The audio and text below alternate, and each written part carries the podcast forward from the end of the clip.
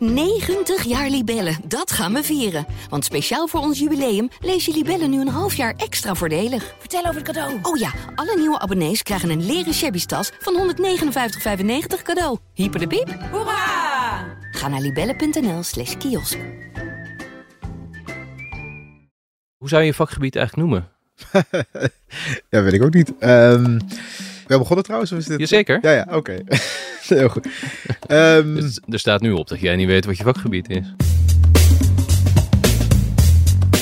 Hallo, fijn dat je luistert naar Stuurloos, waarin we het hebben over hoe wij Nederlanders een beter bestuur kunnen krijgen. Mijn naam is Koestave Bessems, journalist en columnist. En in deze podcast van de Volkskrant ga ik te raden bij mensen die daarover ons denken verder kunnen helpen. Deze keer iemand die heus prima weet wat zijn eigen vakgebied is. Het is alleen behoorlijk groot en indrukwekkend.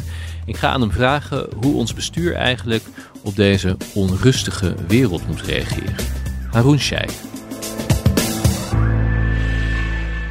Ja, Haroon Sheikh is senior wetenschapper bij de Wetenschappelijke Raad voor het Regeringsbeleid, bijzonder hoogleraar aan de VU, gepromoveerd filosoof, eh, werkte voor investeringsmaatschappijen, boeken gepubliceerd, onder meer over de opkomsten van het Oosten, schrijft columns voor NRC en hij weet erg veel van geopolitiek. En ik wil hem voorleggen hoe we met alle veranderingen en crisis die over ons heen komen, nou zorgen dat ons bestuur, onze democratie, daar een beetje tegen bestand zijn.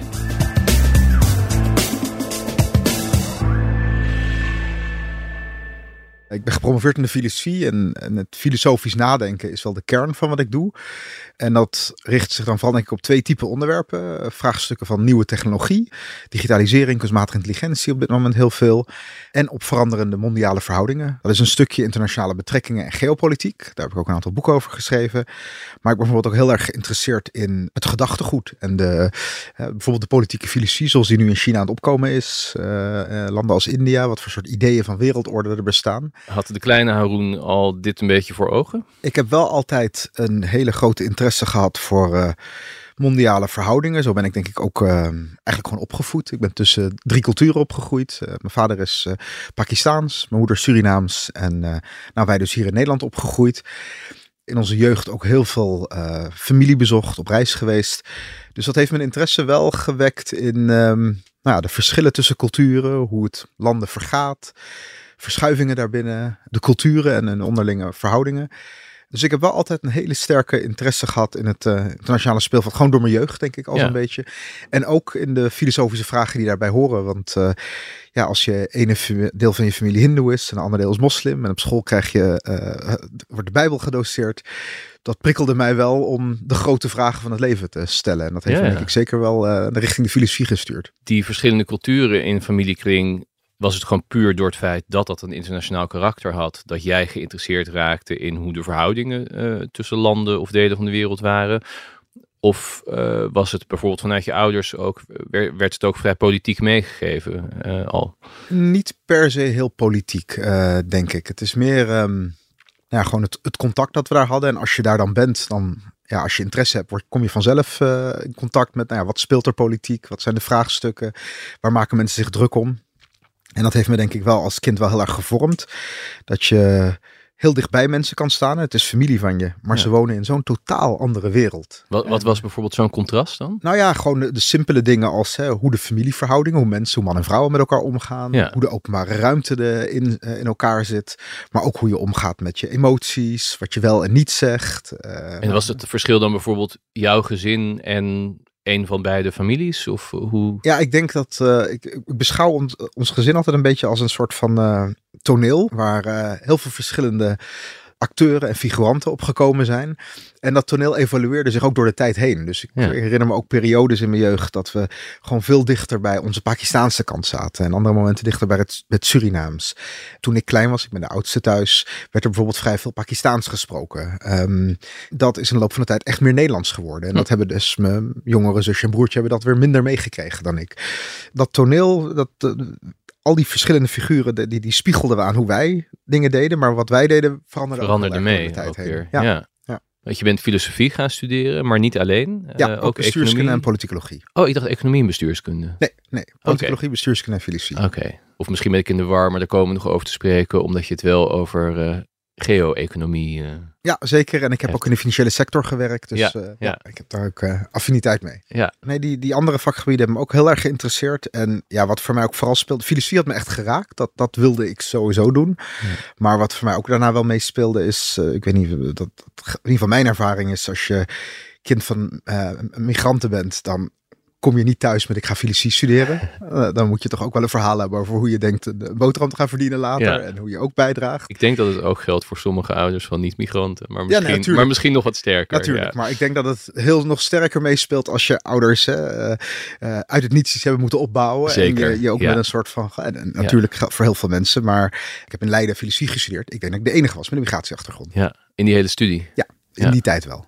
Hoe was dat dan om de enige met migratieachtergrond te zijn bij de studie filosofie in Leiden? Ik heb daar op zich niet veel, heel veel van gemerkt, denk ik.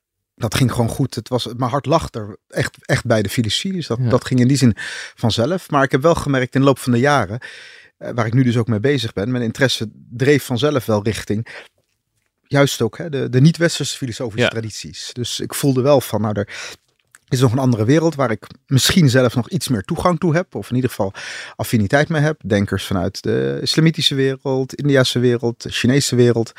Dat heeft me wel een beetje een bepaalde richting op Ja. geduwd daarbinnen. Daar stond je wel meer voor open, denk je, dan andere studenten. Ja, ik denk Ja. het wel. En je ziet nu dat het ook hè, in Nederland veel meer en meer wordt gedoseerd. Maar toen ik begon te studeren was dat, dat was geen filosofie, dat was religie. Dus hebben, filosofie hebben we hier in het Westen gedaan. En daarbuiten hebben ze boeddhisme en taoïsme. En dat is, dat is niet echt filosofie. Ja. Dus, eh, eh, maar dat is wel veranderd in de loop van de tijd. Als je nu kijkt wat er belangrijk is geworden in de wereld. eh, en hey, je noemt eh, China bijvoorbeeld. Ik kan me voorstellen dat als je daar wat eerder dan anderen mee bezig was. met hoe daar de gedachtenvorming zich heeft ontwikkeld. Dat je daar nu wat kan, Ja. van kan gebruiken. Nou, zeker. Ehm, het heeft me dus altijd geïnteresseerd. Maar ja, je ziet nu dus eh, heel veel van die meer hè, theoretische vragen die ik toen had. Dat, dat worden nu ook gewoon praktische vragen. Want eh, China is een wereldorde aan het maken. Dus welke ideeën zitten daarachter? Hoe, hoe zien ze dat? Welke rol speelt democratie, mensenrechten, eh, vrede? Hoe willen ze dat voor elkaar krijgen? Ik denk zeker dat het onderwerpen zijn die meer en meer actueel zijn geworden. Maar ja, Ja. Dat, dat, dat had ik niet door toen ik er eh, 25 jaar geleden mee eh, begon. En je zegt daar nu vrij terloops. China is een wereldorde aan het maken. Zeker. Wat, wat moet ik me daarbij voorstellen? Nou eh, ja, het land is eh, sinds eh 79 economisch enorm hard aan het ontwikkelen. We kennen denk ik allemaal dat verhaal. Hè, van een economie die Ja. eh, veel kleiner was dan die van Nederland. Naar de tweede grootste economie in de wereld. We zijn allemaal gewend dat China producten verkoopt. En op eh, allerlei manieren eh, economisch een invloed heeft. Maar wat we denk ik de laatste jaren zien, is dat dat eh nou ja, volgtijdelijk je ook andere dingen ziet. Het begint ook naast economisch ook politiek ideeën te propageren, maar ook echt een orde neer te zetten, invloed uit te oefenen op landen eh, over de hele wereld. Eh, via bijvoorbeeld de Belt and Road Initiative, de grote nieuwe zijderoute eh, die China heeft. En daarmee eigenlijk ehm, ja, al een ander soort idee van hoe landen zich met elkaar, met elkaar omgaan neerzetten. Met ook hele eigen filosofische ideeën. Ja, erachter. precies. Want ik vroeg me even af of ik nou te veel aan woorden blijf haken. Maar je zegt nu ook een orde neerzetten. Ja. Dat is toch iets anders dan wanneer je zegt de wereldorde proberen te domineren. Of een belangrijkere speler te worden Ja. in die wereldorde. Jij schetst eigenlijk het maken of het neerzetten van een alternatieve wereldorde. Ja, dus dat, dat is waar ik eh, vooral ook interesse voor heb. hè. Natuurlijk, hè, er is een orde. En daar heeft China een bepaalde verhouding toe. En de vraag Ja. is van, hè, wil het daar een grotere rol in spelen of wil het die omverwerpen? Of, hè, de... Maar ik ben dus ook geïnteresseerd niet alleen maar in eh, hè, of het lei- gaat leiden of volgen. Maar wat is de, het karakter dat het dan zal hebben? Elk land dat een belangrijke rol gaat hebben, eh, heeft daar bepaalde ideeën bij. En een bepaald wereldbeeld. En het, het, het unieke aan onze situatie, in ieder geval eh, in de recente geschiedenis, de afgelopen paar honderd jaar, is het wereldleiderschap altijd bij een westers land geweest. Van hè, zelfs ook Nederland in het verleden, Groot-Brittannië, eh, Portugal, Spanje. Nu voor het eerst een Aziatisch land. Dus dat maakt het gewoon wel heel interessant, de vraag te stellen. Hoe gaat dat ook anders zijn? Wat voor soort andere verhoudingen, wat voor soort andere beelden? eh, Dat is niet dezelfde wereld. Dus zou je kunnen zeggen dat in die eeuwen waarin dat westerse mogendheden waren, dat dat dezelfde wereldorde was, maar met wisselende spelers, zeg maar, die aan de kop eh, zaten.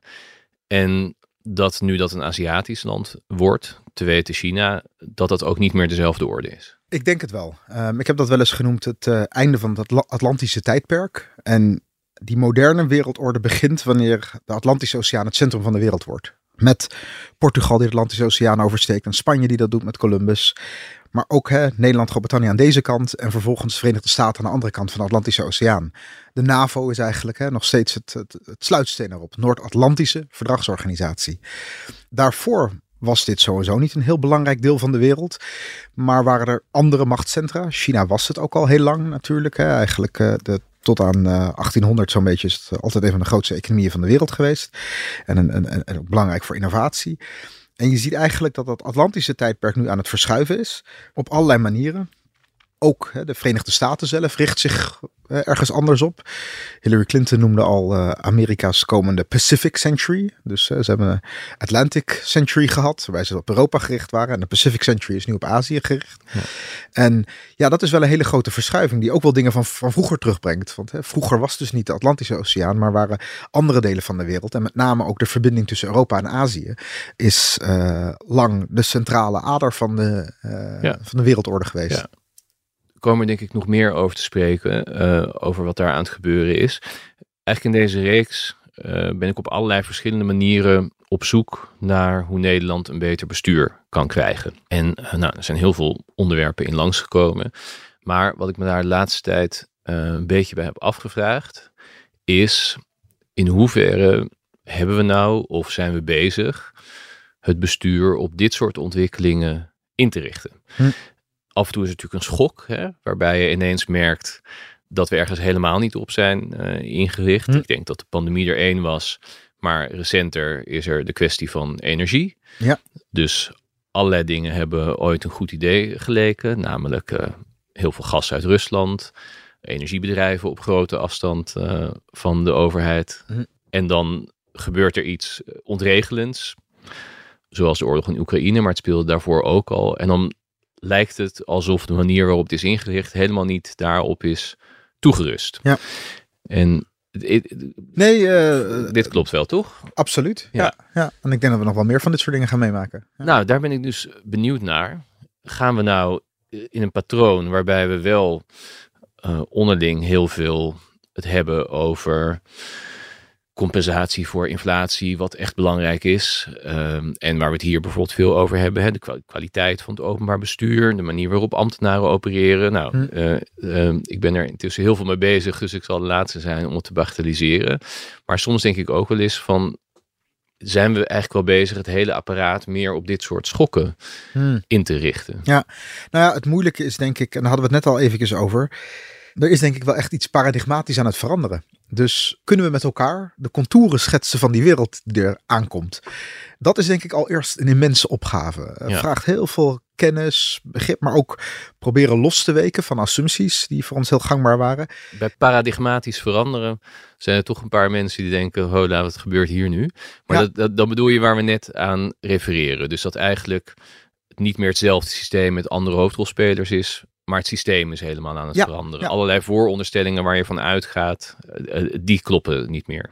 Ja, nou, hè, je noemde net de voorbeelden van hè, uh, energie en hoe we dat hebben ingericht. Ja daar zat een bepaald beeld van globalisering achter. Ja. Dat uh, globalisering maar één kant op gaat, voorwaarts. Dat meer vervlechting onderling tussen landen de verhoudingen vreedzamer maakt. Ja. Dat iedereen erop vooruit gaat. En dat geopolitiek conflict eigenlijk langzaam een beetje naar de zijkant verdwijnt. Of naar die gebieden die nog niet zo verbonden zijn. En dat het mechanisme om daar te komen is eigenlijk een hele pure kwestie van vraag en aanbod, toch? Wie, wie kan iets het best voor de laagste prijs leveren? Dan ga je het daar halen. Ja. En zo raakt die wereldeconomie steeds meer met elkaar vervlochten. Ontstaan afhankelijkheden waarvan de wereldvrede zal uitbreken, even gechargeerd gezegd. En je zou kunnen zeggen, dat was een paradigma. Ja. En als ik het heb over paradigmatische verandering, dan zien we nu eigenlijk, ja, daar klopt van alles niet meer aan. Dat betekent niet, tenminste dat weet ik niet, maar dat globalisering ten einde is of uh, dat, dat het helemaal. Maar wel dat er iets heel fundamenteels verandert in de manier hoe dat ingericht is. Dat die onderlinge verbindingen, waarvan we dachten, die zijn wederzijds en daardoor uh, zullen we geen conflict meer hebben. Zie je nu juist een proces dat die verbindingen gebruikt worden in conflict. Ja. En dat ze tot wapen gemaakt worden. En dat is natuurlijk wel heel lastig als je er eigenlijk vanuit bent gegaan dat je hele economie ingericht kan zijn op producten die just in time uit het buitenland binnenkomen en dat het altijd maar doorgaat. Ja. En dat je ook geen reserves hebt, geen alternatieven. Afhankelijkheid is een machtsmiddel. Ja, en ik denk dat we vroeger altijd dachten. Er is wederzijdse afhankelijkheid. En wat we nu meer en meer leren, is dat niet elke afhankelijkheid dezelfde is. Eh, als wij inderdaad Russisch gas kopen, dan is Rusland afhankelijk voor onze inkomsten en wij van het gas. Alleen Rusland kan iets langer zonder inkomsten dan wij kunnen zonder warmte in de winter. Ja. Dus je hebt wat, ze wat je kan noemen asymmetrische afhankelijkheden. En die zijn er op heel veel gebieden gecreëerd. Hè. Denk ook rondom de, de pandemie. Hè. De enorme afhankelijkheid van bijvoorbeeld hè, eh, bepaalde medicijnen Ja. of mondkapjes. Dan blijkt opeens, wacht even, er is maar één producent hiervan in de wereld. We hebben geen alternatieven daarvoor. We hebben die producten echt nodig. Nou, dan is die afhankelijkheid ergens een heel gemakkelijk eh, een, een machtsinstrument geworden. Ja, en we zien het nu alweer opdoemen met eh, verduurzaming ook, toch? Want aan de, hè, dus, eh, dat wordt erg genoemd van dan worden we minder afhankelijk bijvoorbeeld van Russisch gas. Maar dan hebben we weer grondstoffen nodig of Zeker, je zou zo- productie ja. uit China. Weliswaar is dat eenmaliger, want een, eh, nou weet ik veel, een zonnepark heb je op een gegeven moment neergezet. Dat is misschien anders dan gas, maar toch, je ziet nieuwe afhankelijkheden er ook weer bij komen. Absoluut. Als we het hebben over de beweging naar verduurzaming, dan is het dus hè, weg van Rusland. Maar het vraagt eh, vooral twee dingen. Zeldzame aardmetalen. Ja. Ze zijn niet zo zeldzaam trouwens, maar ze komen niet veel in de grond voor. En daarvan is China bij verre de grootste producent in Ja. de wereld. Meer dan 60 procent. Nou, die zitten in alles. In onze chips, Daardoor in zijn onze ze vooral zeldzaam, toch? Omdat China het land is dat ze bij uitstek met succes Nou, ze, zijn vooral zeldzaam. Ze zijn eigenlijk overal op aarde te vinden. Ja. Maar als je zeg maar een kubieke meter, meter aarde hebt, dan zetten ze in kleine hoeveelheden erin. Dat, is, dat maakt ze ja, zeldzaam. dus goede mijnen die goed geëxploiteerd worden. En je moet dus vooral een heel efficiënt productieproces hebben. Ja. Want het is, er gaat heel veel energie in om die kleine beetjes eruit te halen. Ja. En daar is China dus goed in. Hè? Ja. Met goedkope arbeid, met eh, eh, eh, efficiënte technologie. Heeft China die markt totaal weten te domineren. Nou, dat hebben we nodig voor alles wat, hè, als we elektrisch willen gaan rijden, zonnepanelen, windmolens, chips in onze telefoons, zeldzame aardmetalen. En dan geldt ook nog eens een keertje dat heel veel van de producten, hè, neem bijvoorbeeld zonnepanelen, ook nog eens uit China komen. Ik geloof meer dan 70% van de wereld geproduceerde zonnepanelen komen daar vandaan. Dat is inderdaad een ander soort afhankelijkheid, maar het is ook weer afhankelijkheid. En het zijn ook weer vraagstukken waar we goed over moeten nadenken. Ja. En dat ja, haakt weer in waar we het net over hadden, over dat, die, dat, dat paradigma van globalisering. Willen we eigenlijk voor van alles wel afhankelijk zijn? Moeten we misschien niet zelf meer dingen gaan maken? En, en hoe kunnen we dat dan inrichten? Nou, dat soort grote vragen komen nu op ons af. Ja, en die, dat oude paradigma. Want deze nieuwe harde wetenschap hè, over, over hoe kwetsbaar je wordt van afhankelijkheid. Ja, dat lijkt nu zo ontzettend logisch. Hoe kon dat oude paradigma eigenlijk zo groot en dominant worden? Heb je daar een idee over? Dat, dat, want dat lijkt achteraf bezien zo Naïef. naïef op het Ja. krankzinnige af. Nee, dat, dat, dat, dat heeft het in zekere zin ook. Dat was ook wel een beetje de tijdgeest natuurlijk. Hè. Jaren negentig, de Sovjet-Unie valt. Er was eigenlijk totaal geen grootmachten rivaliteit meer. We hadden ook allemaal ideeën van het einde van de geschiedenis. En hè, het, eh, er was ook een geloof van, hè, dit, dit, dit, gaat maar één kant op. We hadden, zagen ook, wat zien we gebeuren in de rest van de wereld? Opkomst van middenklasse. Nou, die willen allemaal wat wij willen. Gewoon eh, ple- plezierig leven. En voor de rest, ehm, nou ja, is, is dus dat oude conflict is verdwenen. Ja, en het is dus ondersteund met ook allerlei ideeën over hoe de economie in elkaar zit. Waaronder dus, hè, als het wederzijds is, ja, dan kost het voor iedereen, is het zoveel moeite om daar problemen in te veroorzaken. Dat hebben we natuurlijk ook hè, in het ongeloof van wat Rusland nu doet. Ja, dan wordt ook vaak gewezen, kijk eens hoe die Russische economie eronder leidt. Nou, dat is een beetje het argument geweest. Van, Ja. nou, hè, Rusland is ook verweven met ons. Rusland is ook afhankelijk van dat geld. Dat zal er wel voor Ja. zorgen dat het land Dus dat is het element ervan dat klopt. Ja, alleen dat we dachten dat het voldoende is om daarmee geopolitiek conflict uit te bannen, dat is denk ik een misvatting. En wat is er dan niet gezien? Wat is er dan gemist? Ik denk dat we gemist hebben de diepere motieven die in andere delen van de wereld ook spelen. Ja, een heleboel Chinezen willen welvarend zijn, willen ook gewoon een rustig leven leiden. Maar er speelt ook in China, in Rusland, maar ook in landen als India, ook heel sterk een soort idee van we willen trots zijn op wie wij zijn. We zijn in het verleden eh, veel te weinig erkend. Het Westen mag ons niet opleggen hoe wij eh, onze samenleving eh, inrichten.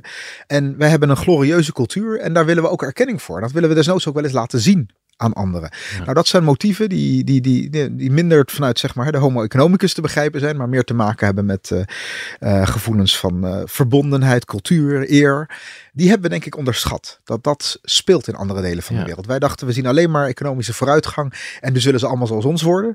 En ondertussen spelen er ook andere ideeën die ze juist verder weg van ons drijven. Dus dat oude idee hier van we gaan allemaal naar elkaar toe groeien doordat we economisch samenwerken. Dat ging ervan uit dat eigenlijk overal mensen, vooral in die materiële welvaart en vooruitgang, dat ze daardoor gemotiveerd zouden zijn. Ja.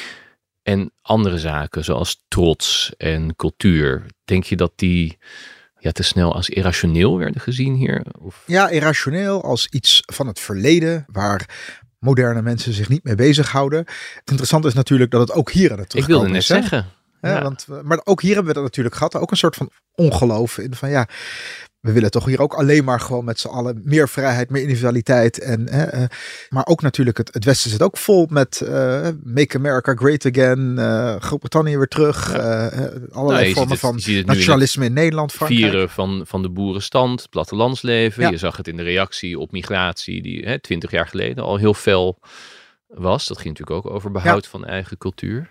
Ja, zeker. Dus ik denk, hè, er zijn, er zijn in ieder geval twee lessen, denk ik. Eén is die gedachte dat die economie iedereen daarvan zou profiteren, die is denk ik fout geweest. Misschien zijn we met z'n allen wel een beetje vooruit gegaan. Maar er zijn ook een heleboel groepen die gestagneerd zijn of die relatief gezien in positie uh, hebben zien verzwakken. Soms ook gewoon echt absoluut. Er zijn ook heel veel verliezers geweest. Dus als je puur economisch kijkt, ja. is niet iedereen meegekomen. Nee.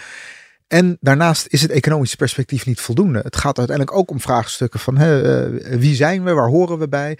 Uh, dat is iets waar de populisten nu uh, overal in het Westen ook enorm goed in slagen om dat verhaal in te tappen.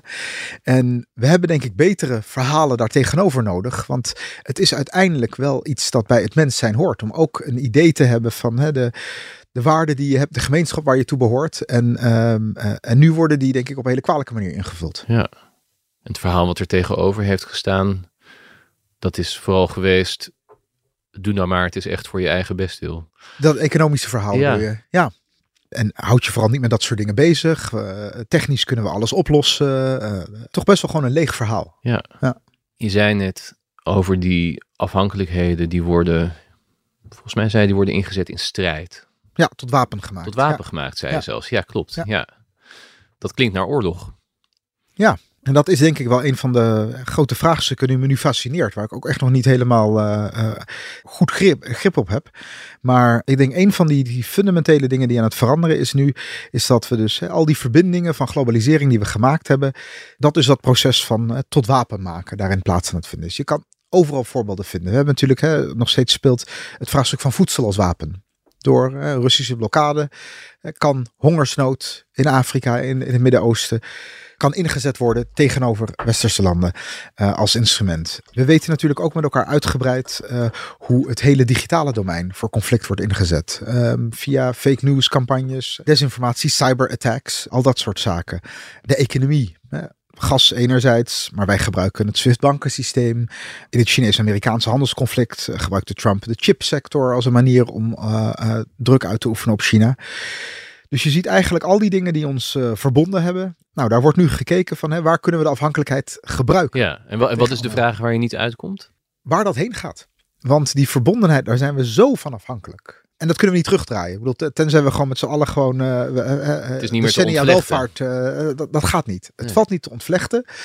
Maar die assumptie dat dat systeem zichzelf in evenwicht houdt ja. en dat het goed, die is er niet meer.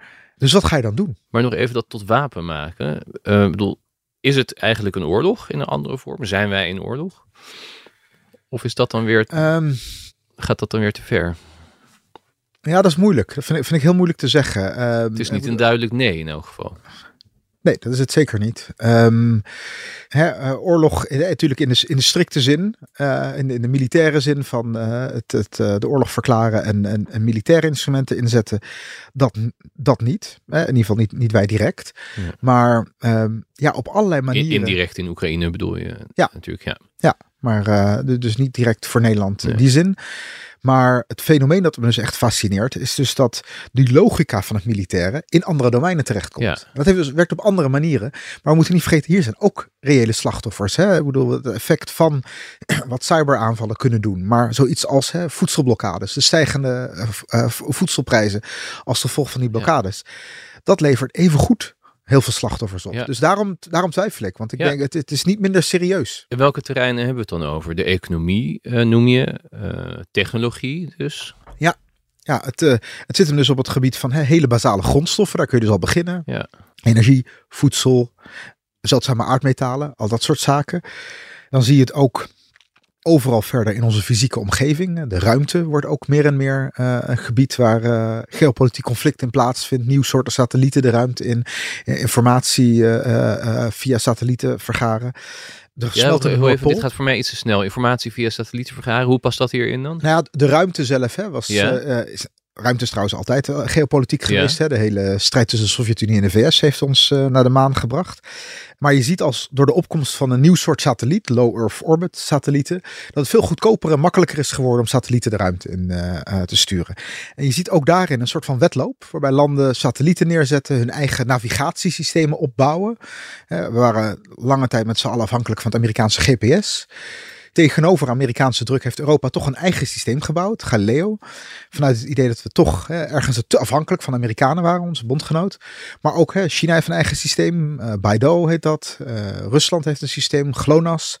Dus je ziet dat ook het idee dat hè, de, de ruimte ook zo'n toneel is waar we met elkaar strijden. En dat we moeten zorgen dat we niet afhankelijk zijn van de ander. Want het kan we bijvoorbeeld in het geval van een militair conflict eh, de mogelijkheid bieden om de ander de navigatie te, eh, te ontnemen. Dus de ruimte zien we ook als zo'n plek eigenlijk. En je ziet het met allerlei fysieke ruimtes. Hè? Ook de smeltende Noordpool. Eh, een ander gebied eigenlijk dat nieuw vrijkomt. Zie je het ook op het gebied van informatie en beïnvloeding? Ja.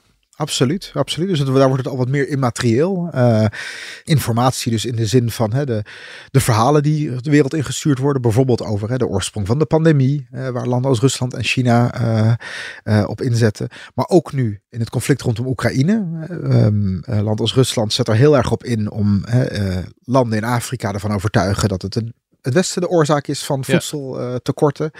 dus op die manieren zie je ook hè, die, hele, die hele wereld van informatie. En met, met, met Twitter van de, nu van de anders. wetenschap. Er er is in Nederland natuurlijk, eh, nou niet alleen discussie geweest, maar er zijn ook samenwerkingen verbroken. Bijvoorbeeld eh, met Chinese steun aan Nederlandse wetenschappelijke instituten of samenwerkingsverbanden, omdat daar het risico te groot werd geacht op oneigenlijke beïnvloeding. Is dat ook zo'n terrein? Ja, zeker. Zeker. Het domein van kennis, eh, talent. eh, dat is denk ik eh, in zekere mate altijd zo geweest al. Mhm. Hè? We- Het is niet voor niets dat we nucleaire faciliteiten en de wetenschappers daarbij heel goed afschermen. Eh, en ook eh, allerlei biotechnologische kennis over virussen en zo. Dat mag ook niet zomaar gepubliceerd worden. Maar je ziet wel dat het de competitie erom verhevigt. En dat er dus in die geopolitieke strijd wordt getrokken. En dat betekent dat het voor veel meer domeinen geldt. Eh, allerlei eh, onderzoek naar bijvoorbeeld kunstmatige intelligentie. Waarvan we vroeger misschien zouden denken, nou dat is gewoon innovatie. En het gaat om consumentenapplicaties. Nou, daar maken mensen zich zorgen over. Van, hè, in welke mate heeft dat misschien niet ook militaire implicaties? Wat ze dan dual use noemen. Een technologie die je zowel gewoon voor vredes, vreedzame doeleinden als voor militaire doeleinden kan inzetten. Nou, dat geldt eigenlijk voor best wel veel technologieën, zoals AI. Eh, dus daar maken mensen zich zorgen, eh, meer en meer zorgen om. Maar ook het idee dat hè, deze, dit, dit talent wordt gebruikt gewoon simpelweg om eh, de, de innovatiekracht te, te ontnemen. Hè? Ja. Om, om, om, om alle relevante kennis weg te eh, laten lekken.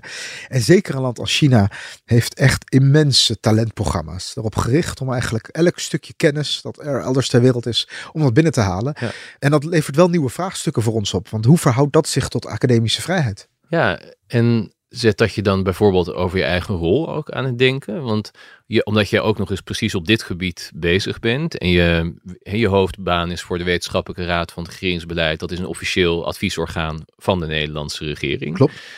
Heb je dan ook een soort gevoel van, hé, hey, ik ben eigenlijk niet alleen maar iemand die dingen bestudeert en af en toe een advies geeft, maar ik ben eigenlijk een speler in deze strijd? Nou ja, het is in ieder geval een, een, verantwoordelijkheid, denk ik, die ik er wel bij voel. Ja, als je advies moet geven over dit soort vraagstukken. En het is zo'n complex vraagstuk waarvan we de contouren nog niet zien. Daar voel je denk ik, ik voel in ieder geval wel een verantwoordelijkheid voor. je, je wil ergens conscientieus zijn naar deze vraagstukken. Je wil ze serieus nemen. Maar je weet dus ook dat elke positie in de discussie waar je in staat. ook door partijen gebruikt wordt. Of iemand ja, ten goede komt. Precies, want waar voel je je verantwoordelijk voor? Voel je alleen verantwoordelijk voor? Nou, dat ga ik blind van uit. Hè, voor de wetenschappelijke deugdzaamheid van je werk. Ja. Of voel jij je er ook verantwoordelijk voor dat wij goed uit die strijd komen? Is er iets te winnen in die strijd? Nou, ik denk dat, dat, uh, dat die vraag, dat ik daar nog niet eens bij uit kan komen. Nog. Want hè, de, de vraag is dus eerst, wat is de aard van de strijd? Ja, ja, ja. Krijgen we hier winnaars? Zijn er manieren om hè, er anders over na te denken? Het liefst uh, hoop je natuurlijk uit te komen op manieren die het conflict juist dempen. Hm. dus, dus ik wil er heel uh, terughoudend in zijn. Iets wat je nu ook echt ziet gebeuren. En dat is voor mij precies een van die dingen waar ik verantwoordelijk voor voel. Dat dit ook leidt tot een soort frame van alles is oorlog. Ja. Dat is denk ik kwalijk. Uh, we hebben bijvoorbeeld hè, in de nasleep van 9-11 gezien hoe sterk zo'n zo'n beeld van alles is een veiligheidsrisico. Uh, wat voor nare consequenties dat kan hebben voor privacy, voor burgers die daardoor eigenlijk hè, als, als potentiële terroristen behandeld zouden worden. Dus zo'n zo'n frame om alles heel snel maar binnen dat oorlogsdomein te trekken. Onder, het gebeurt wel. We zien allerlei dit soort ontwikkelingen, maar we moeten ook Het is eigenlijk wel wat je net zelf beschrijft. Ja, ja, zeker. Nou, dat is precies een van de dilemma's ja. waar ik dan zelf ook voor sta. Uh, het is een fenomeen dat er serieus is, dus daar moeten we aandacht voor hebben. Daar moeten we ook beleid voor maken. Tegelijkertijd wil je niet bijdragen aan een manier van denken die andere dynamieken mist en die ook andere waarden gaat overschaduwen. Hè? Want academische vrijheid op zichzelf is waardevol. We kunnen niet alles onder het kader van veiligheid dan maar gewoon afsluiten van de rest van de wereld. Nee. Ook op een heleboel andere gebieden. Ja, je, er, zijn, er zijn andere dingen die ook belangrijk zijn. En die moeten we niet laten overschaduwen door zo'n veiligheidsframe. Nee. Uh, maar als we nu uh, ons proberen te verplaatsen in het perspectief van de bestuurder. Iemand die een verantwoordelijkheid draagt gewoon voor Nederland. Ja. Uh, en die toch in de eerste plaats een verantwoordelijkheid voor de inwoners van Nederland heeft. Uh, en bijvoorbeeld nou ja, zoals we dat nu al in de praktijk zien, hè, moet zorgen dat mensen niet in de kou uh, met afgesloten uh, verwarming uh, zitten, om maar iets heel mhm. concreets te noemen. Maar jij schetst eigenlijk nog een heleboel andere terreinen met allerlei andere risico's, ja. toch wel. Met onzekere uitkomst nog weliswaar. Maar die bestuurders kunnen niet zeggen van, nou ja, geen idee waar het uitkomt. Die moeten nu keuzes maken over, over hoe ze Nederland inrichten. Zijn er dan wel dingen aan te wijzen waarvan je denkt, nou daar zou in elk geval een begin mee kunnen worden gemaakt? Ja, ja. Ja, er is denk ik veel te doen. En uh, inderdaad, wat je zegt, er is nog ontzettend veel onzeker bij. Maar er zijn denk ik wel een paar sporen die je zou kunnen verkennen. En waar denk ik het bestuur mee aan de slag kan gaan. En eerste is denk ik proberen gewoon eerst een veel beter begrip te krijgen van die afhankelijkheden we hebben dat gewoon heel erg laten liggen. En ook heel erg grof naar de economie gekeken. Van ja, uh, ik heb ook vaker in discussies in het verleden gezeten met hoe, hoe groot is onze handelsrelatie met Rusland nou. Die is eigenlijk vrij klein, dus het zal niet zo'n groot effect hebben. Dat heb ik letterlijk gehoord een paar jaar geleden. Het gaat dus niet om, alleen om volumes. We moeten heel precies kijken. Waar komt nou iets vandaan waar we niet van een ander van Er werd gewoon naar het aantal euro's gekeken.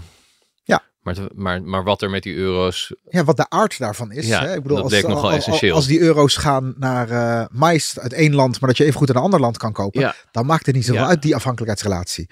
Maar als het die gaspijpleiding is waar je geen alternatief voor hebt, dan, is, dan, is, dan maakt die euro heel veel meer uit. Dan... En, was dit, en was dit van iemand met een uh, beetje belangrijke baan? Nou, dit zijn discussies geweest in het kader van hè, de, de, de, uh, laten we zeggen, de economische veiligheid en statistiek ja. van Nederland. Nou, daar en, ja. dat, dat soort voorwaarden. Maar wel ergens waar je hoopte dat ze iets verder. Nou, daar hadden we hier dus discussie over. Ja. En hier heb ik dus het punt ingebracht van hè, het gaat om asymmetrische afhankelijkheden. En die, die hebben een heel ander karakter dan volumes uh, alleen. Dus ik denk dat is het allereerst. Gewoon dus om te beginnen ga je verkennen. Want medicijnen en mondkapjes komen we achter door een pandemie. Gas komen we achter door een oorlog. Nou, dit is een patroon wat je zou willen doorbreken. Ja. Precies, door eigenlijk bijvoorbeeld al te gaan kijken van waar, waar zijn nou die, wat ze in de geopolitiek noemen, die choke points. Ja. Maar ik denk dat we vooral ook gewoon heel goed die economie door moeten gaan. Uh, ook, ook gewoon die ecosystemen van chips bijvoorbeeld. Daar kan het best zo zijn dat een heel kleine toeleverancier, die niet groot in de cijfers uitslaat, wel iets kritisch heeft. Waarmee je dus wel in één keer in de problemen kan komen. Ja. En daar moeten we rekening mee houden. Want hè, als er een, in de toekomst een conflict van, met, eh, van China rondom Taiwan plaatsvindt, dan is de chipwereld een van de eerste plekken waar het Ja. dan gevoeld gaat worden. En kritisch kan zijn iets wat voor onze communicatie wordt gebruikt. Of iets wat in de medische sector eh, onontbeerbaar is. Eh, moet ik aan dat soort zaken Ja, denken? iets waar we niet een direct alternatief voor hebben. Ja. En dat kan dus zelfs monetair heel weinig, weinig uitmaken. Ja. Neem bijvoorbeeld het, hebben we in, het, in het financiële systeem hebben we dus dat SWIFT-systeem. Nou, dat is een, een cruciaal stukje infrastructuur. Het betekent monetair niet veel, want Ja. het zit in een Belgische stichting en het is een informatieverwerkingssysteem. Ja. Maar het is wel het systeem waarmee een bank, zelfs een heel land, van het financiële stelsel in de wereld afgesloten kan worden. Ja. Nou, dat zijn wel zaken die je heel scherp Ja. op het netvlies wil hebben. En dat heeft heel erg veel onderdelen en onderdeeltjes, capaciteiten en eh, dingen die je moet weten om het te kunnen laten lopen. En je moet eigenlijk heel precies weten, zit daar iets tussen waarin we afhankelijk zijn van één speler die wel eens zou kunnen zeggen, nou, dat trekken we even terug of dat Ja. laten we even niet meer werken. Ja, dus dat is denk ik, het- dan kun je dus naar die stap gaan. Maar dat betekent dus eerst, je moet het in kaart brengen. En het vraagt denk ik ook dat er een bepaald soort expertise ook weer bij de overheid moet zijn. Denk Ja. ik, waarvan we heel lang ook hebben gezegd, dat hoeft niet. Dat is, de economie, dat lost zichzelf wel op. Wij hoeven dat Ja. alleen We maar hebben ook niet op alle te terreinen alleen maar met landen te maken als actoren, toch? Het kunnen ook private partijen zijn. Absoluut. Ja. Absoluut. Eh, Dat is denk ik juist het spannende of het moeilijke van dit veld. Hè. Een militair conflict kun je in ieder geval zeggen, die tank is van die. Ja. Maar in het informatiedomein hebben we te maken met grote bedrijven. Van er nu eentje recent door een, eh, eh, nog een bijzondere eh, excentrieke miljardair is overgenomen. Dat zijn cruciale actoren nu op het informatiedomein. Hè. In de, het gebied van voedsel zijn er drie grote bedrijven in de wereld die eigenlijk verantwoordelijk zijn voor alle zadentechnologie. Ja, je refereert aan Twitter, Ja. wat overgenomen is door Elon Musk. En daarbij gaat de discussie vooralsnog vooral over in hoeverre ehm, ja, staat hij weer uitingen toe die hatelijk zijn, desinformatie zijn, discriminerend zijn, dat soort zaken. Ja. Eh, discussie gaat ook over eh, hoe hij zijn personeel behandelt en het bedrijf Ja. en eh, wie die er allemaal uitgooit. Maar is dat eigenlijk misschien te oppervlakkig? Zie jij Twitter ook als een soort kritische infrastructuur Ja. die stuk kan? Absoluut. Het is, een, het is een cruciaal stuk van de publieke ruimte. En daarmee denk ik ook het democratische proces in een heleboel landen. En dat is wat mij betreft ook het meest interessante hieraan. Hè, ik bedoel, eh, het, is, het is verschrikkelijk wat hij met de werknemers doet. En dat Trump weer terug is en zo. Nou goed, dat Ja. zijn allemaal dingen om over te discussiëren. In één klap is Elon Musk hiermee een geopolitieke actor geworden. Ja. En, dat, en, en hij lijkt die ambitie ook te hebben. Hè. Zijn Starlink is ook al cruciaal. Hè, de satellieten in Oekraïne. Ja. Maar hiermee, ja, Ja, er wordt, hij, mee, eh, er wordt door Oekraïners mee gecommuniceerd en daar dreigde hij. Zijn satellieten zijn nodig voor de communicatie Ja. van het Oekraïnse leger. Ja. En hij zei van, nou ja, moet ik dit blijven betalen of gaat iemand dit voor me doen? Nou ja, daar heeft hij toen mee. eh, en hij zegt van, uiteindelijk gezegd, ik ga het wel blijven doen. En hij uit zich ook politiek. Hè? Dus dan vindt hij ineens dat ze aan de onderhandelingstafel moeten. En dat en een beetje gecombineerd met zo'n dreigement. Ja. Krijgt dat ineens. Precies, gewicht. Gewicht. En dat is, en dat is natuurlijk, en daar zit geen enkele democratische controle op natuurlijk. Maar het zijn wel, dit type actoren zijn wel cruciaal in, in, in, in, Ja. in- op dit toneel van informatie hier. Dus stap 1 is, Ja. en dat is eh, in, snel in één zin gezegd. Maar uit alle voorbeelden die je noemt, zie je al dat het eigenlijk een mega-operatie is om het goed te doen. Want daar heb je dus eigenlijk specialisten op al die verschillende terreinen voor nodig. Die gaan inventariseren. Waar zitten die asymmetrische afhankelijkheden en kwetsbaarheden? Ja. Wat zijn meer sporen? Ja, en dan is dus eigenlijk de vraag van hè, hoe- ga je erop op handelen? En daar kun je denk ik een paar type vragen of, of, of opties eh, eh, voor schetsen. Je wil in ieder geval niet dat je voor iets kritisch helemaal afhankelijk bent van één partij. En daar kun je denk ik een paar dingen aan doen. Je kan in sommige gevallen kijken, kun je het zelf dan maar gaan maken? En dat hoeft niet per se te betekenen zelf dat het Nederland is, maar dat kan ook zijn een Europees verband. Ja. Dat vraagstuk speelt rondom de medicijnen bijvoorbeeld. Dat is een hele serieuze discussie. Op basis van prijs hebben we gezegd, nou dat, dat gaat allemaal maar weg. Dat gaat naar India, dat gaat naar China. Maar je kan je dus afvragen vanwege de, de, de garantie dat je dat wil hebben, of je niet die hogere prijs wilt betalen om het zelf maar te maken.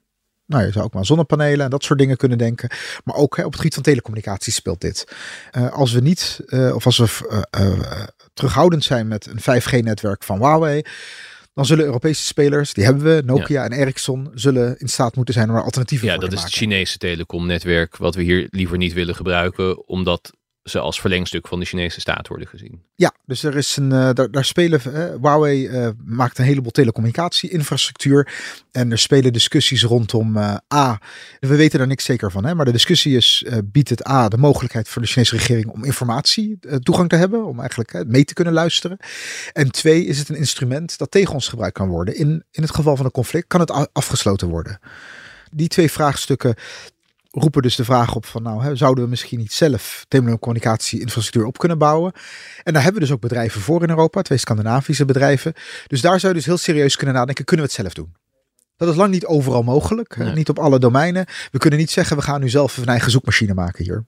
Dat hebben we geprobeerd in het verleden trouwens. Dat, dat gaat gewoon. Nee, en hebben wij hier nog ergens zeldzame metalen in de grond zitten die we er makkelijk uit kunnen halen? Oh, dat wel. Hebben we wel. Alleen daar spelen weer andere vraagstukken bij. Hè. De, de, landen als Finland, Duitsland, Polen hebben best wel wat van die uh, metalen in de grond zitten.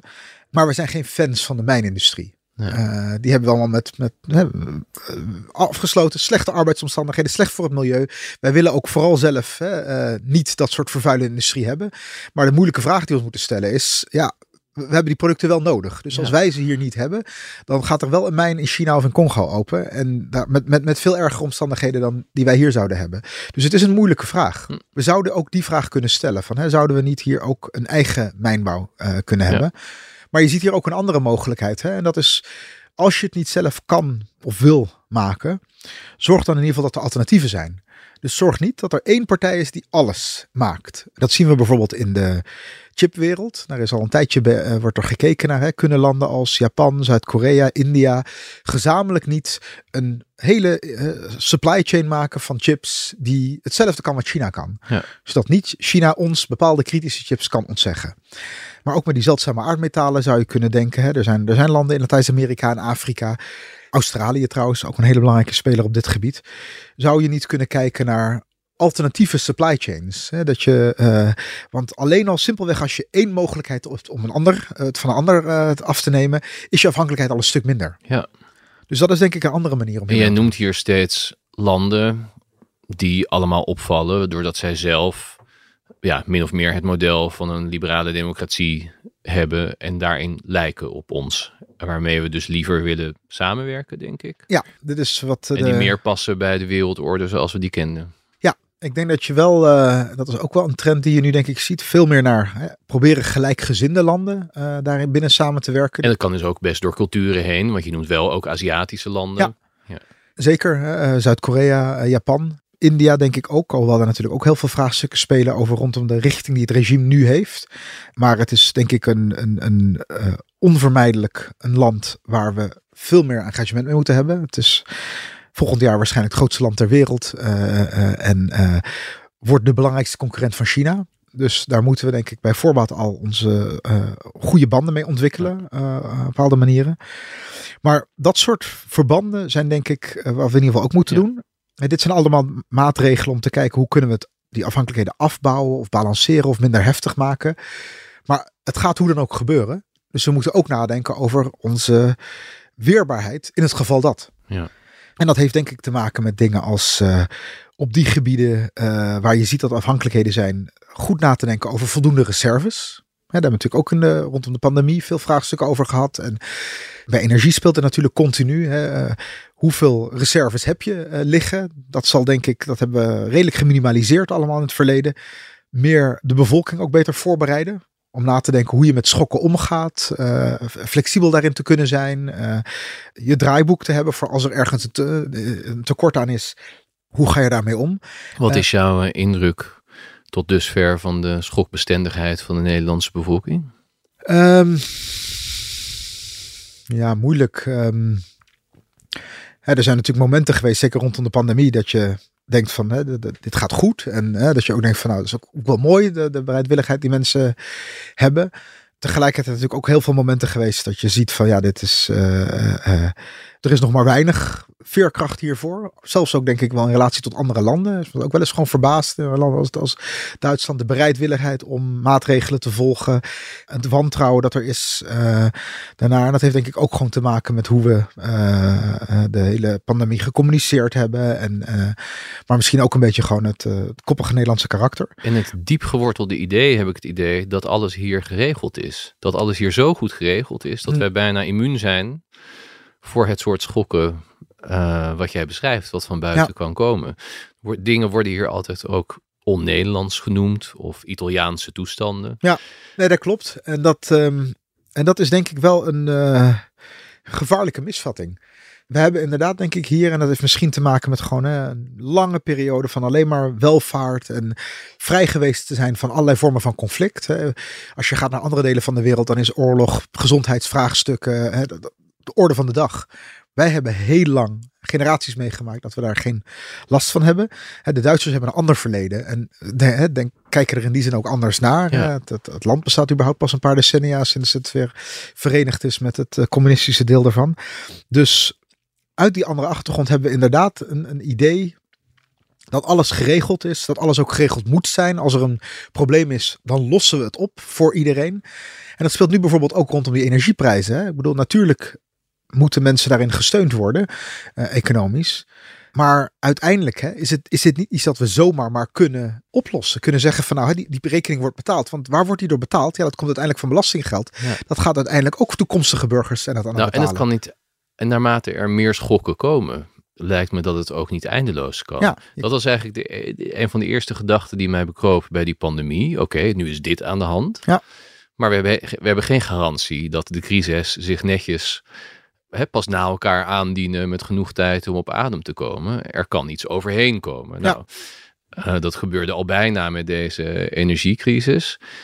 En je ziet in, in die beide crisis zie je dat we ons eruit proberen te besteden. Hè? Ja. En, en, dat, en daar komt een rijk land als Nederland een heel eind mee. Ja.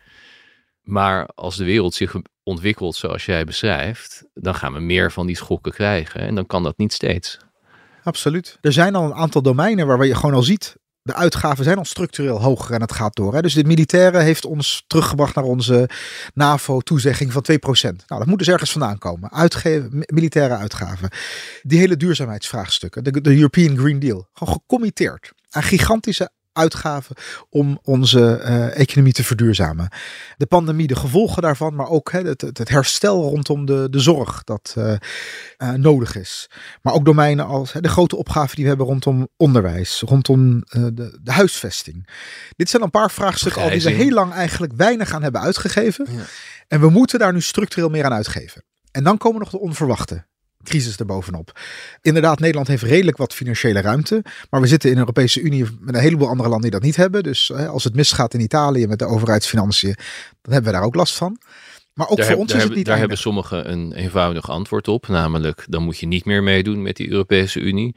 Maar dat verhoudt zich weer vrij slecht tot wat jij net beschreef hoe we ons op andere terreinen moeten wapenen. Ja, dus daar, geloof ik niet in. Nee, nee. dat, Want uh... willen we een beetje weerbaar zijn in dat spel van economische afhankelijkheden, de nodige productiecapaciteit hebben, de nodige reserves hebben. Absoluut. Ja, dan hebben we dat Europese niveau nodig. Ja. Plus we creëren hè, uit de Europe eh, euro gaan, dat is, uh, creëren we dezelfde grootste schok die er dan is. En, en, en dan kun je een tal van economische dynamieken voor je zien waar Nederland echt heel erg onder gaat lijden. Maar vanuit geopolitiek perspectief denk ik dat die, dat Europese blok cruciaal voor ons is om uh, uh, zo autonoom mogelijk te kunnen blijven handelen. Ja. Het is toch wel belangrijk, omdat, wat ik ook erg zit te denken terwijl je aan het praten bent. Aan de ene kant denk ik, je moet de, je moet de semantiek, of dit nou oorlog is of niet, misschien laten. Aan de andere kant, wat bij een oorlog wel zo is, is dat er iets ontstaat waarbij een bestuur of een regering de bevolking ook ja, daarover bijpraat, prepareert, ja. moed inspreekt, verwachtingen schetst. Ook hoe dramatisch de situatie misschien is, wat er allemaal hm. zou kunnen gebeuren. En dat draagt misschien wel bij aan die weerbaarheid. Ja. Ik heb niet het idee dat we op dit moment op die manier worden toegesproken. Terwijl tegelijkertijd wel een, wat een heel krachtig verhaal is, wat blijft opkomen, blijft groeien en, en, en politiek ook steeds meer uh, wind in de rug blijft krijgen, is het het, het verhaal van het terugtrekken eigenlijk. Het sluiten van de oester. Mhm. Eh, hè, laten we het hier als Nederland op onszelf Ja. met, met de rug naar de boze buitenwereld eh, proberen te rooien. Geen begaanbare optie, zeg Nee, jij. nee. Maar wel heb ik nu het idee, het meer aansprekende verhaal dat gehouden wordt. Dus daar moet denk ik wel iets tegenover komen. En eh, ik denk, je hebt gelijk, hè, er wordt natuurlijk wel eens op gewezen. Het verschil tussen de persconferenties voor de pandemie versus Oekraïne. Ja, terwijl het eh, mogelijk even consequentieel is, misschien zelfs Ja. heftiger op een aantal gebieden. En als dit fenomeen waar we het nu met elkaar over gehad hebben, eh, doorzet, ja, het heeft dus iets, iets heel lastigs. Hè? Want juist omdat het zo sluimerend is, omdat het niet de evidente oorlog is, maar dat, dat, dat sluimerende conflict achter de schermen, dat eh, nou ja, terwijl we op sociale media zitten, wordt, wordt uitgevochten. Dat sluimerende karakter maakt het dus ook op een bepaalde manier juist weer moeilijk om daar met elkaar hè, scherp op te zijn. Om te zeggen, dit is waar we met z'n allen aan moeten werken. Dit is, eh, dit is het gevaar, het risico wat, wat we lopen. Maar die bredere dynamiek, dat, hè, dat, dat, eh, dat we kwetsbaar zijn. Eh, en dat we, ja, daar is denk ik wel een goed verhaal voor nodig. Want het, het, het, het risico is echt, waar we het net over hadden, de, dat idee dat we maar dat, dat we denken dat het een recht is om hè, van al deze problemen vrij te zijn. Ja. Dat kan niet. Dat kan niet waargemaakt worden. Ehm, en we gaan ons, onszelf alleen maar moeilijk maken als we, hè, als, als we niet leren dat we ook ehm, echt meer aan onze weerbaarheid moeten doen. Want die schokken, die komen er. Is dat verhaal eigenlijk niet alleen maar mogelijk met ook een paar heldere vijandbeelden? Dat je zegt, ja, in dit proces is bijvoorbeeld China onze vijand. En daarom moeten wij ons daar als Europa tegen weren. Ik weet niet of, of de, het vijandbeeld noodzakelijk is. Ik zou het sowieso hè, ehm, op deze nieuwe tonelen van conflict zou ik zeggen. Op sommige is inderdaad China een tegenstander. Maar dit is het, het type conflict of de type dynamiek die ik voorzie, is veel grijzer. Ook bondgenoten zijn dan vaak ook landen. Ja, op sommige gebieden, zeker op het gebied van economische verhoudingen, zijn Amerikanen ook eh, vaak een rivaal van ons. Eh, en dat speelt nu ook hè, rondom de Amerikaanse steun eh, van inflatiesteun. Dat is, hè, daar zitten we heel veel ruzie met de Europese Commissie over. Dus vriend-vijand is, is denk ik veel minder evident. En er is een soort van grijs gebied waarin eh, eh, de verhoudingen veel diffuser zijn. Doorgaans werkt een vijandbeeld natuurlijk wel mobiliserend, maar vaak dus ook met hele eh, eh, kwalijke bijeffecten. Ja. Ik denk in ieder geval wat we nodig hebben is een, een, een, een opgave. Rondom klimaat natuurlijk, hè, dat, dat, dat, vergt ook niet per se een vijandbeeld. Dat vergt gewoon een gedeelde opgave met elkaar over wat er nodig is om iets eh, apocalyptisch te voorkomen. Zeker, maar je ziet daar toch ook duidelijk de problemen om te mobiliseren. Ja, eigenlijk pas toen de vijand erbij kwam, Rusland, eh, Ja. zijn we heel hard Dat hielp lopen. wel. Ja. Eh, en het apocalyptische beeld is toch, het is te lange termijn.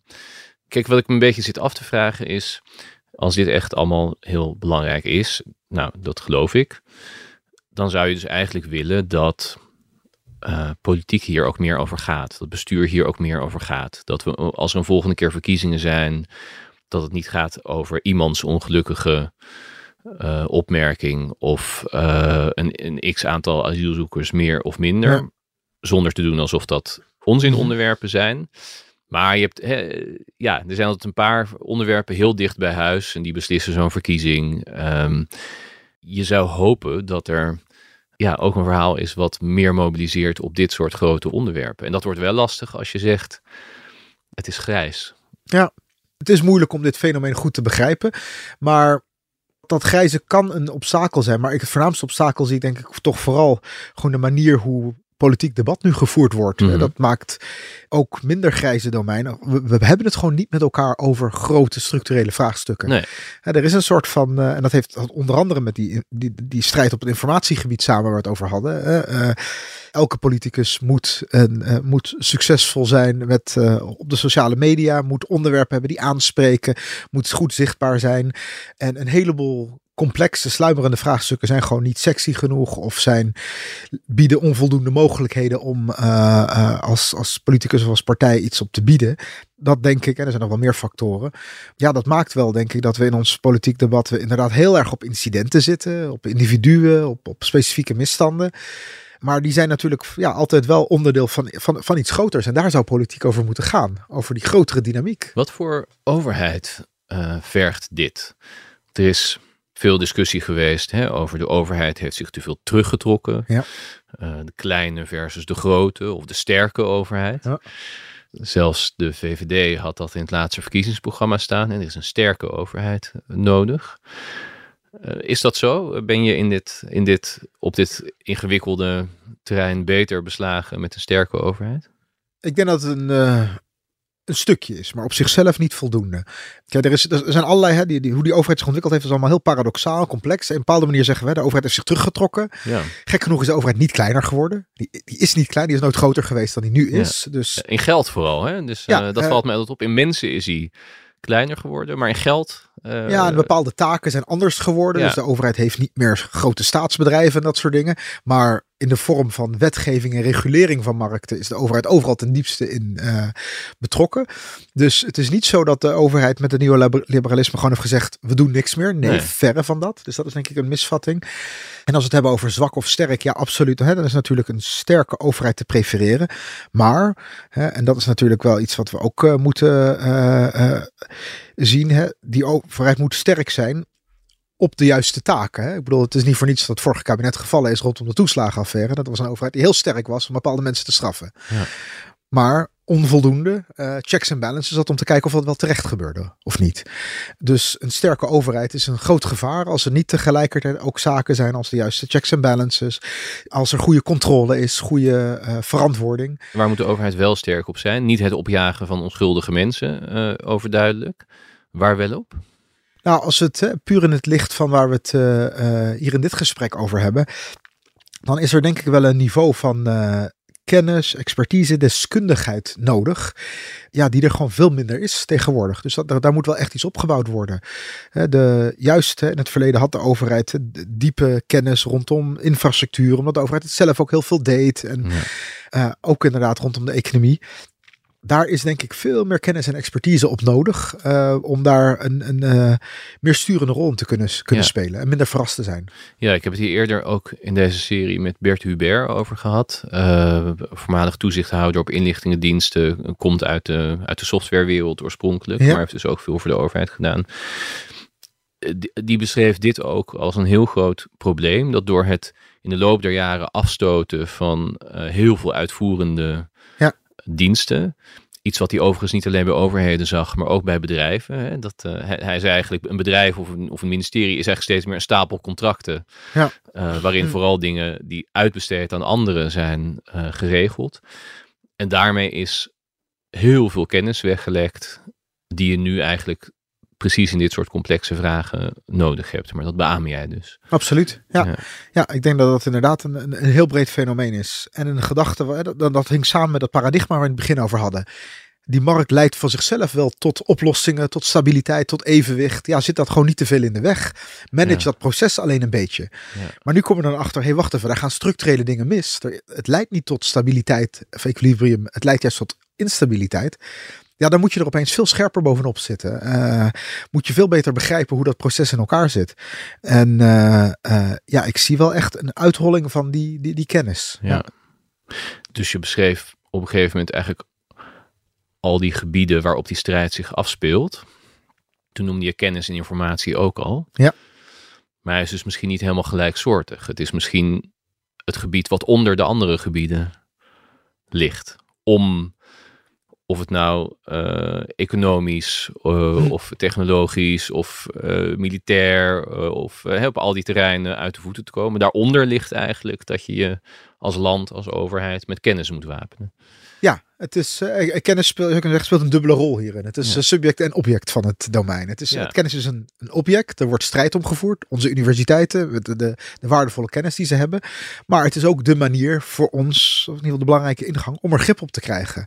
Ja. Bij de overheid, maar ook gewoon in, in bredere zin uh, met z'n allen um, meer grip hebben op, op de, die, die complexe wereld die we gecreëerd hebben vanuit, met een soort van vertrouwen van hè, dat, dat komt wel goed. En nu moeten we eigenlijk al die, die, die, die miljoenen, miljarden verbindingen, moeten we een beetje proberen te gaan ontrafelen. Ja.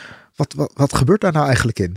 Ja, er is eigenlijk iets gecreëerd wat we niet meer snappen. Nee, en, uh, en dat is denk ik belangrijk. Um, dat is niet overal ter wereld zo, want op heel veel andere delen van de wereld is het vanaf het begin af aan zo beschouwd. dan komen we even terug bij dat Ah. punt van hè, die landen als Rusland en China werken vanuit andere motivatie. Voor Rusland en China is het internet vanaf dag één een potentieel wapen geweest.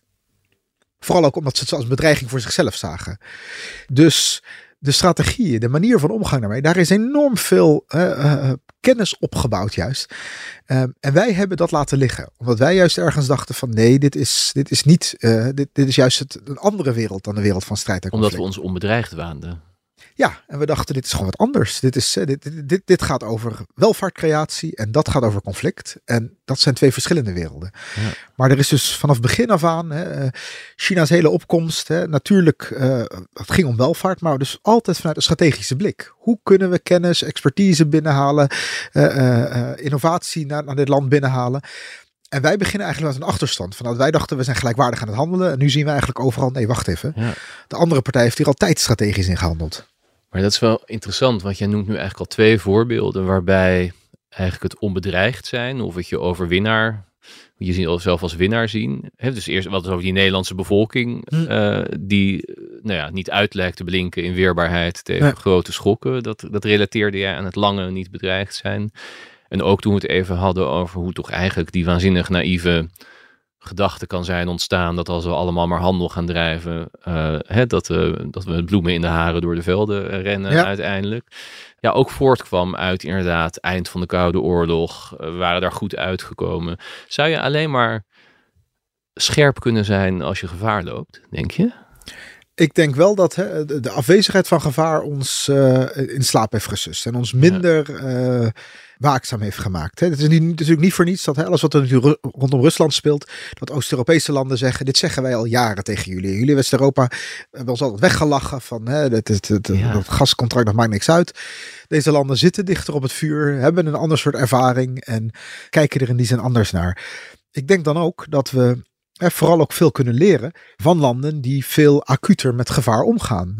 Eh, het is niet voor niets op het gebied van cyberweerbaarheid dat een land als Estland eh, voorloopt wereldwijd. Dat heeft gewoon al eh, bijna twintig jaar geleden flinke cyberattacks van Rusland meegemaakt. Een klein land dat zich op geen andere manier kan verdedigen dan slim te zijn. Een land als Zuid-Korea dat continu onder een, een dreiging van een, een, een, boosaardige nucleaire grootmacht Ja. tegenover zich zet. Eh, maar ook landen als Japan. Ik denk dat die eh, dichter bij dit soort conflict zitten en, en, en eh, daarmee ook eh, de, de bereidwilligheid van de bevolking, maar ook de ervaring ervan, hè, oefeningen doen, met, met rampen omgaan. Ja, we hebben toch een beetje in de geopolitieke speeltuin van de wereld gezeten, in dit deel van de wereld. Frustrerend dat dat dan niet helpt. Hè? Ik bedoel, voor die landen in de eerste plaats. Maar dat het dus kennelijk niet genoeg is als andere ervaringsdeskundigen waarschuwen. Dat niet voldoende is voor Nou, om hier, om... eh, ja, om hier dan wakker te, te schrikken. hè. Zelfs de inname van de Krim. Ja. Eh, inmiddels, wat is het, al acht jaar Ja, 2014. geleden. Ja, was niet genoeg. En ook dit soort waarschuwingen die er waren van dat soort landen. Kennelijk moeten we het eerst ondervinden. Het moet een stuk dichterbij komen. Dat is, eh, en dat is denk ik voor ons een beetje de harde les. Hè? Ehm, wij, West-Europa, Verenigde Staten, Verenigde Staten is natuurlijk wel wat anders, maar wij hebben natuurlijk vrij veel, vrij veel invloed. Dus als wij niet van iets overtuigd zijn, dan gebeurt er ook gewoon heel weinig. Het moet ons denk ik in die zin dus ook echt eh, zelf overkomen. En ja, ik denk dat we nu, dat is, dat is denk ik een soort grote omslag. Wij gaan nu ervaren wat voor andere delen van de wereld al heel gangbaar was. We hebben een soort van veilige bubbel voor een paar generaties gecreëerd. Maar al die dingen die we gehad hebben, ook financiële crisis, gebeurde om de paar jaar in Azië, in Latijns-Amerika en Afrika. En dat dachten we altijd van, nou, dat, hebben wij niet. We hebben het hier goed geregeld. Dus dat, de gezondheidscrisis, de militaire conflicten, ja, die komen nu dichterbij, wat voor de rest van de wereld veel gangbaarder was. En ehm, nou ja, dat heeft in die zin ook dus wel een prijs. Je zou, dus andere landen lijken in die zin juist misschien ook wel weer beter voorbereid te zijn. Omdat ze met z'n allen weten dat, eh, hoe eh, problematisch dat is. En ons gedrag is daar trouwens ook vaak kwalijk in. Hè? Ik bedoel, als je nu ziet, wij zijn nu met z'n allen als een gek bezig om dat eh, gas eh, in te kopen. En dat sluit dus andere landen, als Pakistan bijvoorbeeld, uit van die markt. Ja. Die kunnen op een gegeven moment niet meer. En dit zijn al landen die vaak met blackouts te maken hebben. Maar dus, dus nou, dit is wel kortzichtig van ons. Ja. En dat heeft dus ook consequenties voor anderen. Ja, want je zou kunnen zeggen, nou, dat is dan pech voor Pakistan, goed voor ons. Waarom is het kortzichtig? Nou ja, het is denk ik dus kwalijk dat we een, een ander land Nee, zo... het is eh, eh, ja, eh, ja. moreel kwalijk, maar Ja. als ik het even klinisch zie als wie wint er en wie verliest er. Of hebben, krijgen we er zelf ook last van in deze wereld van Uit, termijn- op termijn afhankelijkheden? uiteraard ook. Ik bedoel, Ja. het is, ehm, onze inflatie gaat omhoog, maar wij kunnen de voedsel wel betalen. Maar hè, dat, is een, dat, is, dat is anders in landen als Kenia of Egypte. Of, en de onrust en de ellende die daar veroorzaakt wordt, dat, Ja. dat vindt een weg ook weer terug naar ons. Je, Dus, hebt, eh, je hebt belang bij stabiliteit en bij bondgenoten. Ja. zeker in deze tijd, hè, want eh, daar, daar hadden we het eerder ook even over. Hè, de, dat simpelweg het Westen maar even kan opleggen hoe de wereldorde eruit ziet. Die, die tijd is voorbij. Ja. Dus het wordt ook steeds belangrijker hoe die niet-westerse landen, hoe, ze, hoe, hoe zij ernaar kijken en ook hoe, hoe wij ons tot hen verhouden. Dat is een van de, voor mij ook een van de grotere lessen rondom dit, het Oekraïne-conflict geweest. De, de enerzijds dachten we van, kijk eens fantastisch hoe verenigd wij als Westen met z'n allen tegen Rusland zijn. Eh, het grotere fenomeen voor mij is, is dat het overgrote deel van de wereldbevolking en daarmee een aantal inmiddels zeer belangrijke landen eigenlijk helemaal niet zo afkeurend zijn aan Rusland. Nee. China, India, groot deel van Latijns-Amerika, belangrijke Afrikaanse landen, groot deel van Azië, het Midden-Oosten, bondgenoten ook. Hè? Landen als India waarvan we denken, nou daar, daar delen we heel veel mee. Nou, op hoge mate zelfs steunen ze Russisch beleid. Nou, dus dit, dus dit zijn dingen waar we veel, eh, die we veel serieuzer moeten nemen, ook in ons eigen belang. Lessen in nederigheid. Dat ook wel. Gaan er denk ik nogal gemakkelijk van uit dat we hier weten hoe, hoe, hoe we alles moeten doen en dat we dat iedereen kunnen vertellen. Maar die tijd is denk ik voorbij en dat het ook geaccepteerd wordt. Dat eh, het Westen zegt hoe andere landen bestuurd moeten worden. Wat goed is voor iedereen. Ehm, zeker als we dus dit soort fouten hè, of dingen doen die effecten hebben op andere landen. Dan zal ons dat veel kwalijker genomen worden. Ja. Met En- meer effect. En iets wat dan misschien een detail lijkt, maar als, als ik dit zo hoor, niet is. En wat heeft gespeeld vlak voordat we dit opnemen. Hè? Er, is een, er is een controversieel eh, WK in eh, Qatar gaande Hm. als wij spreken. En daar is een conflict geweest over het dragen van One Love banden, eh regenboogshirts, een Belgisch shirt waar, het- een shirt waar het woord love in stond. Dat Ja. moest zelfs worden afgeplakt op last van de FIFA, maar wordt toch wel aangenomen, afgedwongen Ja, door door, Qatar, ja. door het eh, gastland. We vinden dat we daar het betere idee over hebben, Hm. over gelijkberechtiging eh, van mensen, ongeacht op wie ze vallen. Maar het ging ook al hè, over wie stuur je naar Qatar. Ja, we willen inderdaad ook dat eh, vloeibare gas. eh, dus dat speelt ook mee. Ja. Dit lijkt dan een op zichzelf staande cultuurclash. Maar zijn dit eigenlijk gewoon dan pijnlijke en misschien niet eens de meest pijnlijke concessies die we moeten doen? Ja, het is denk ik een, een mooie microcosmos van wat er, wat, wat er nu mondiaal gaande is. Daarom ook hier, hè, denk ik, geen makkelijke antwoorden op. Ehm, Het laat even, inderdaad even zien van, hè, je, je bent afhankelijk van landen. Ehm, nu we van Rusland af willen, is Qatars positie opeens zoveel belangrijker geworden in de wereld. Hè. Het was al een belangrijke exporteur van LNG, maar nu een van de eh, cruciale partijen om, om, om van Rusland af te komen. Dus dan krijg je al dat grijze gebied waar we het net over hadden. Het, het kiezen tussen twee kwaden. Ehm, en dan is dit evident de minder kwade. Maar nadat je die keuze hebt gemaakt, komt er weer een kiezen tussen kwaden.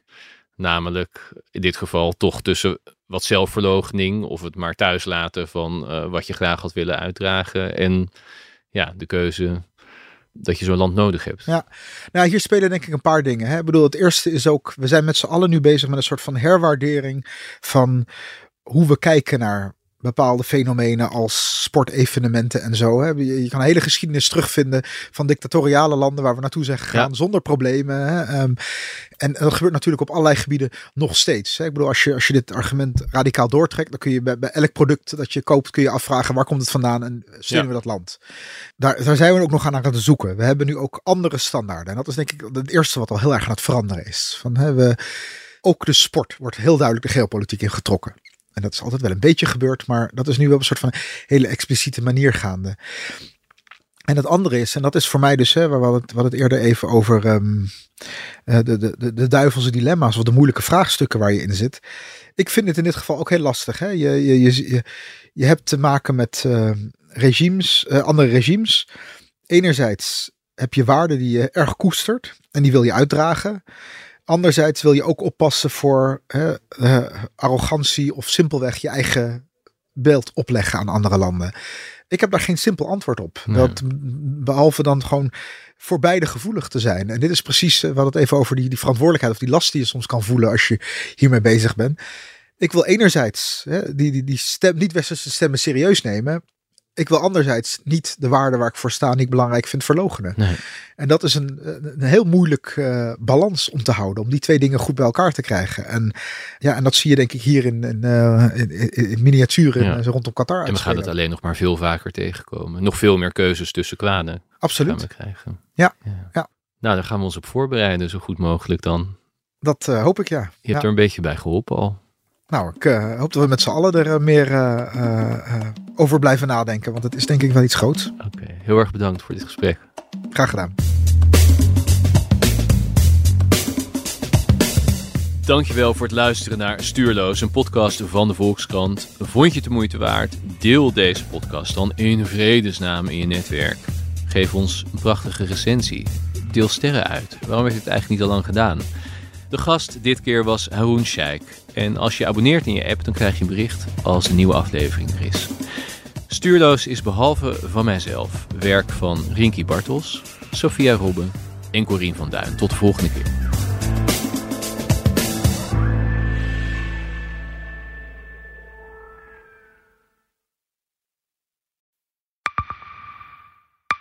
Zijn leven is overhoop gegooid. Plus dat heel veel mensen hem niet geloven. Vrienden niet, die, die denken, ja, hij is gewoon gek geworden. Hoe naar moet dat zijn? Als je vertelt over de meest indringende ervaringen uit jouw leven en niemand gelooft dat je het echt hebt meegemaakt. Ja, ik vind zelf niet dat ik het verzonnen heb, maar sommige mensen denken dat wel. Maar hoe kom je erachter of jij je doelwit bent van een geheime dienst? Ik heb ook wel eens meegemaakt dat je het idee hebt dat inlichtingendiensten in je geïnteresseerd zijn. En dan kun je wel heel veel zien, wat er misschien helemaal niet is. Als ik s'avonds nog iets ging eten, dan volgden die mensen mij naar het restaurant. En dan terug van het restaurant naar het hotel. Als zij op een gegeven moment zei, kijk maar uit, want anders word je dadelijk nog het voert ook. Shit, ik moet hier weg. Dat is, dat is niet goed. Nu word ik gevolgd. Een soort Truman Show is het gewoon. Hè? Alsof dat hele straatbeeld voor jou is ingericht. Maar dan wel met bedoeling jou, jou niet door te laten. Dit kan geen toeval zijn. Een nieuwe podcast van de Volkskrant. Mijn naam is Simone Eleveld en samen met Huid Modderkolk ontrafel ik een bizarre operatie van de geheime dienst. Wat het doel ook is, jij verliest het. Ik werd opgepakt, heel lang ondervraagd. Maar hoe krijg je grip in een wereld die zo onderzichtig is? Als je zou liegen, dan zou je niet de meest relevante informatie twee jaar later tussen neus en lippen doorvertellen. Er zal nooit iemand zeggen: Oké, Bart, ik geloof je. Nooit, nooit. Dit kan geen toeval zijn. Vanaf 3 oktober bij de Volkskrant. Ik weet niet of ik je ook alles kan vertellen. Het is echt te bizar. Wat? Um, ja. 90 jaar Libellen, dat gaan we vieren. Want speciaal voor ons jubileum lees je Libellen nu een half jaar extra voordelig. Vertel over het cadeau. Oh ja, alle nieuwe abonnees krijgen een leren shabby tas van 159,95 cadeau. Hyper de piep. Hoera! Ga naar libellen.nl slash kiosk.